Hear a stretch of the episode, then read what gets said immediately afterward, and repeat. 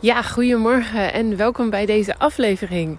Vandaag wederom een aflevering naar aanleiding van een aantal stories die ik schreef op Instagram en ook posts. En heel toevallig ook een, um, een afspraak, een, klant, uh, een call die ik had met een van mijn klanten.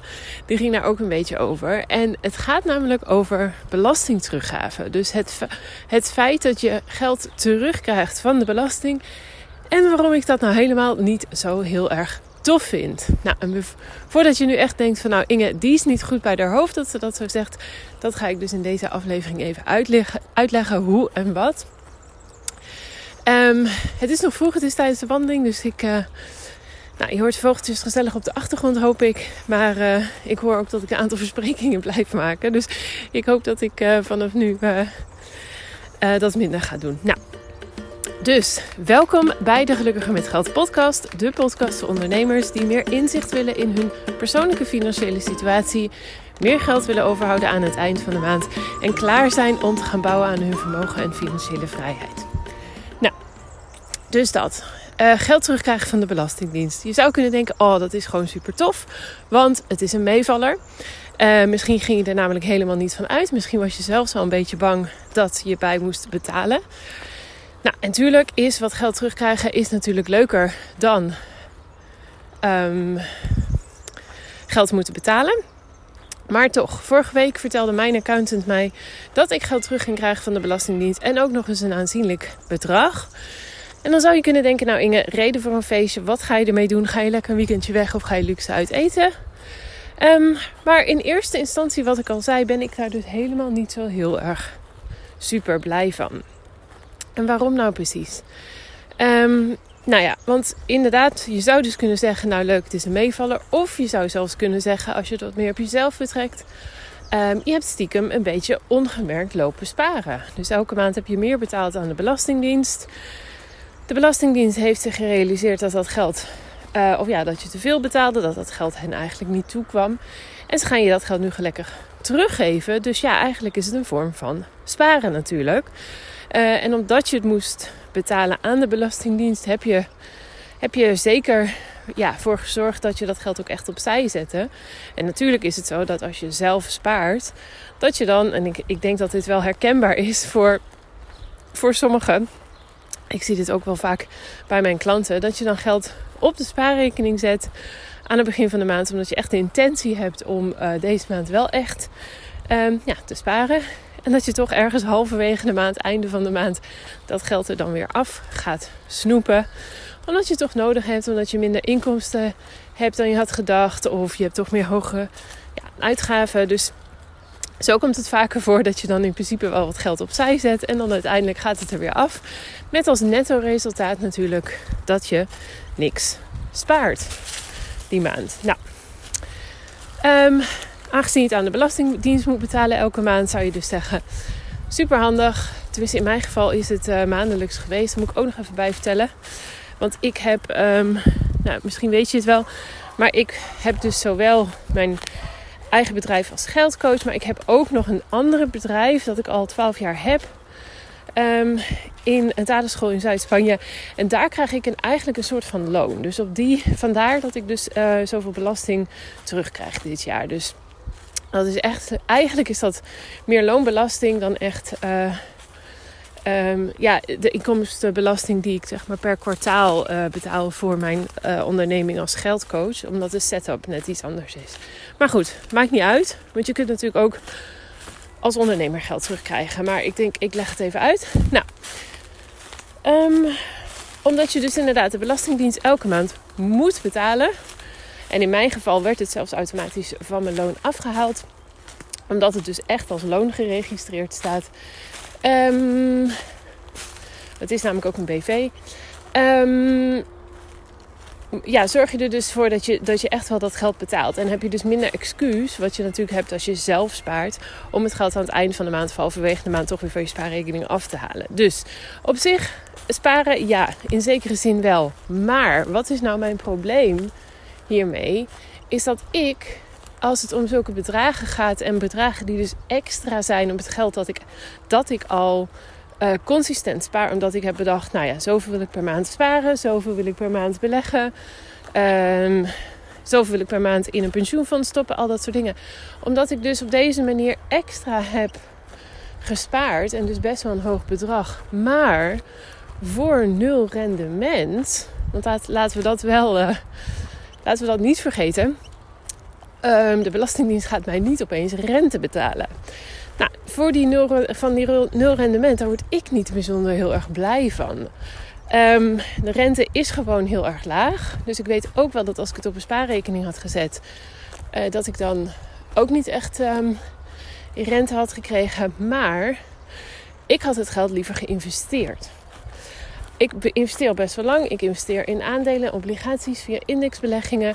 En ik kan daar best wel een heel erg fatsoenlijke gemiddeld rendement van krijgen. En nu weet ik ook wel dat de aandelen naar beneden zijn gegaan. De koersen zijn heel erg, erg gekelderd in de laatste paar weken.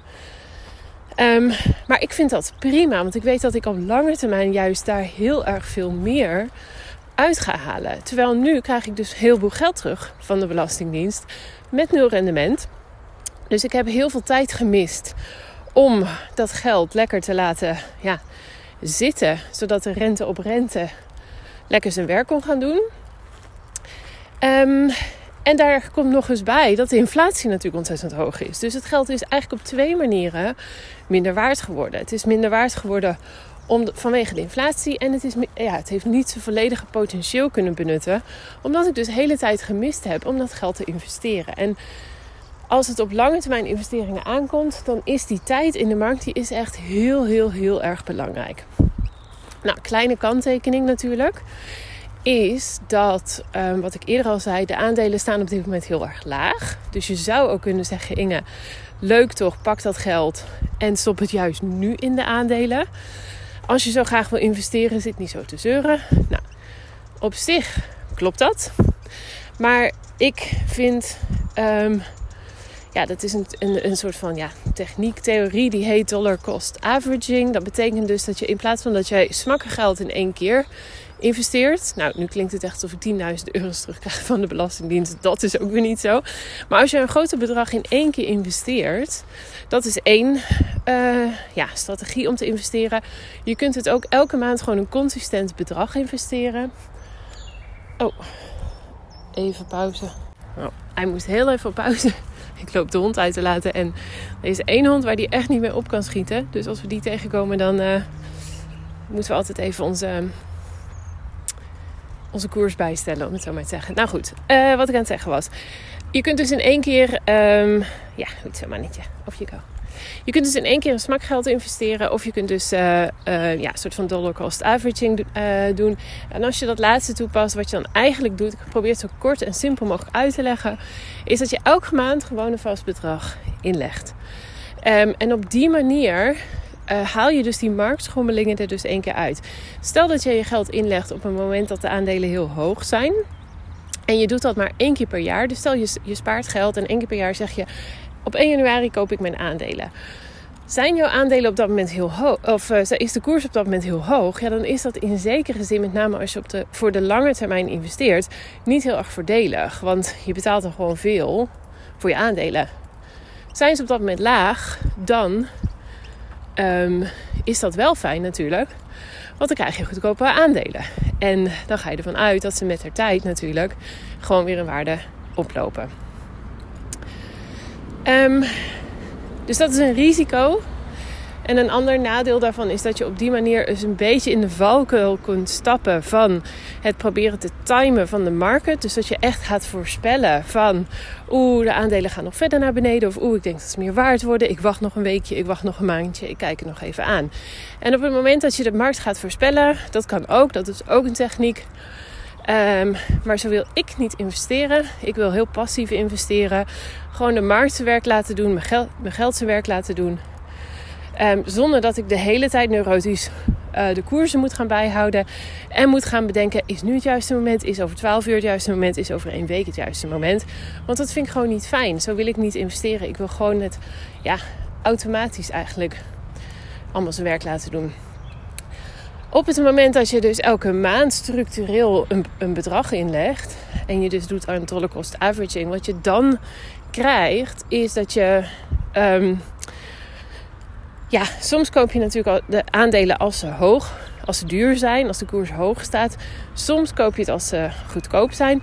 Maar doordat je het gewoon elke maand doet, ongeacht wat de koers op dat moment is, haal je dus die, die, die hoge en die lage punten een beetje uit. En ga je eigenlijk gewoon voor een gemiddelde. Wat dat namelijk ook betekent is, stel je legt 100 euro in.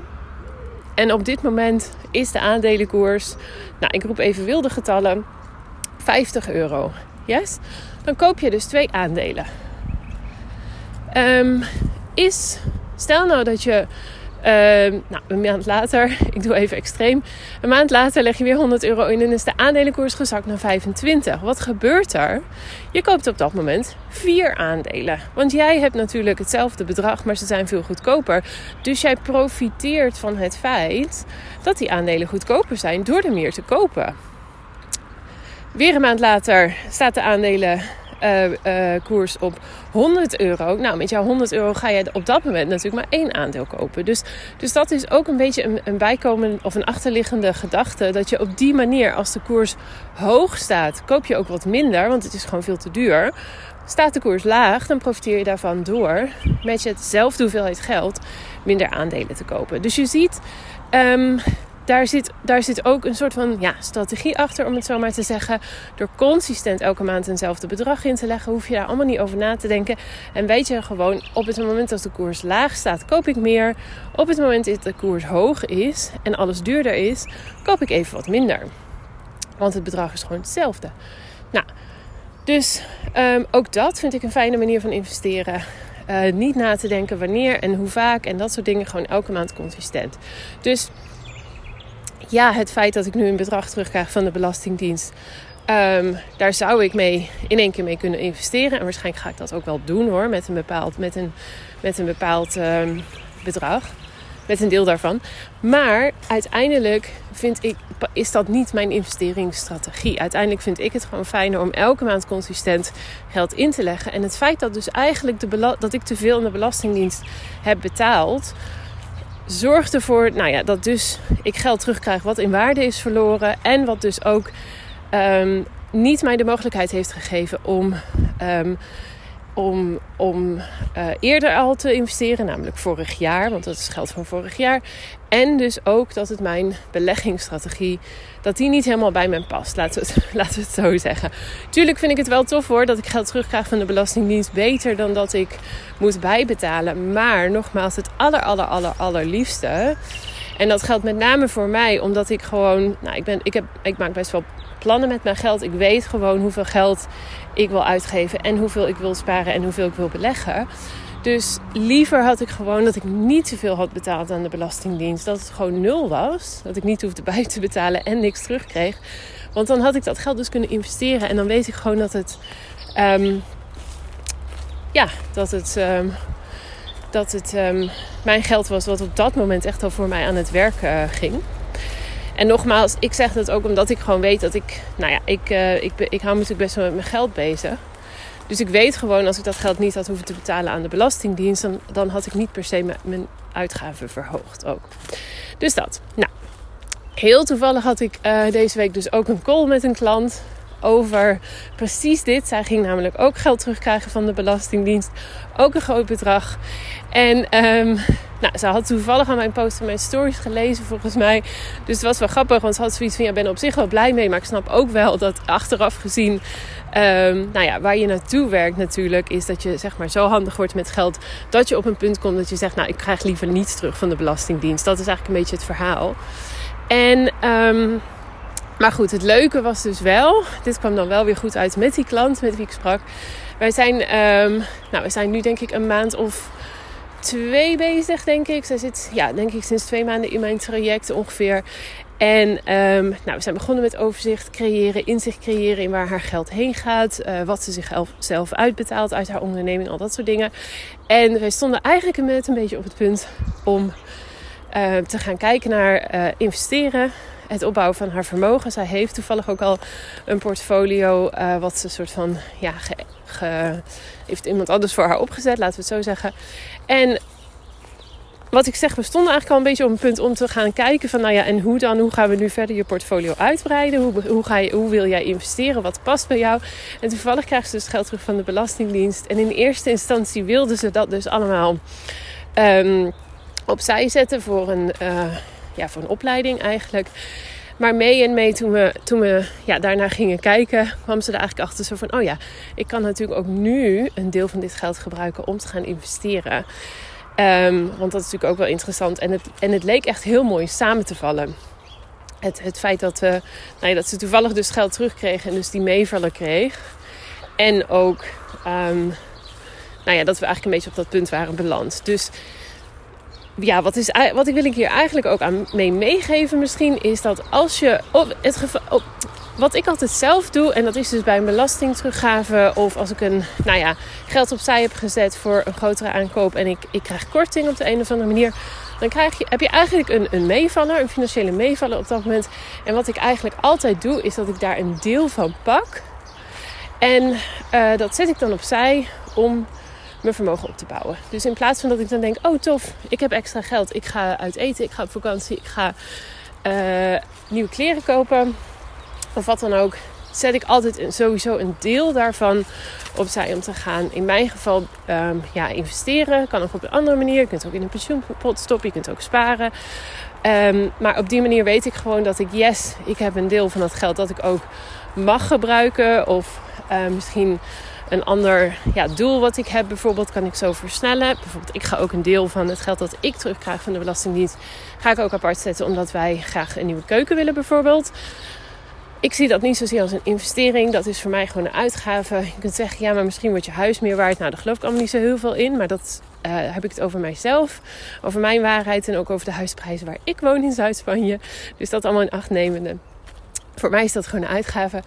Um, dus, maar dat betekent dus wel dat omdat ik daar ook weer een deel voor opzij zet, dat ik daardoor ook dat doel eerder haal, bijvoorbeeld. Dus dat is ook wel fijn. Maar ik ga dus ook een deel echt gebruiken om um, ja, te investeren.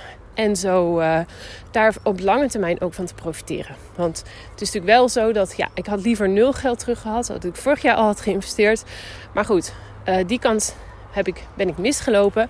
Maar ik wil dus wel die kans nu pakken om dat dus ook nu te doen.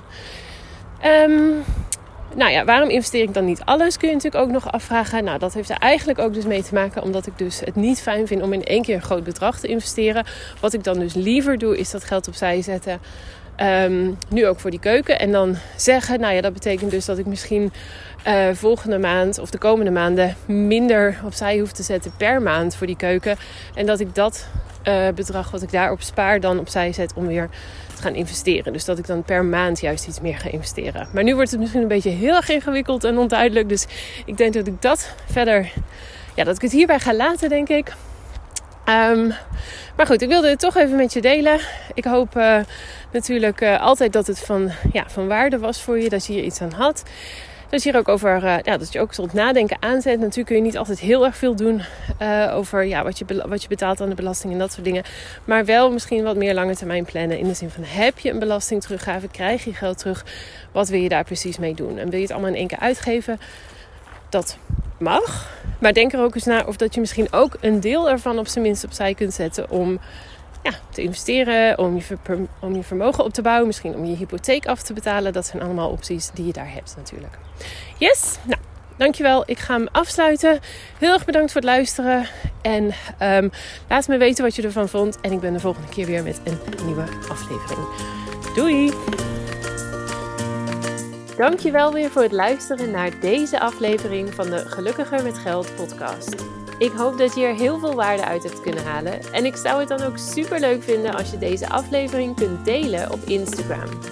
Op die manier kunnen anderen de podcast makkelijker vinden en bovendien help je mij om deze show te laten groeien. Daarnaast vind ik het ook gewoon super gaaf om te zien wie deze podcast luistert en wat je eruit hebt kunnen halen. Dus deel hem op Instagram en taak mij dan met gelukkiger.met.geld. En ik ben er volgende keer weer met een nieuwe aflevering. Ik hoop jij ook. Tot dan!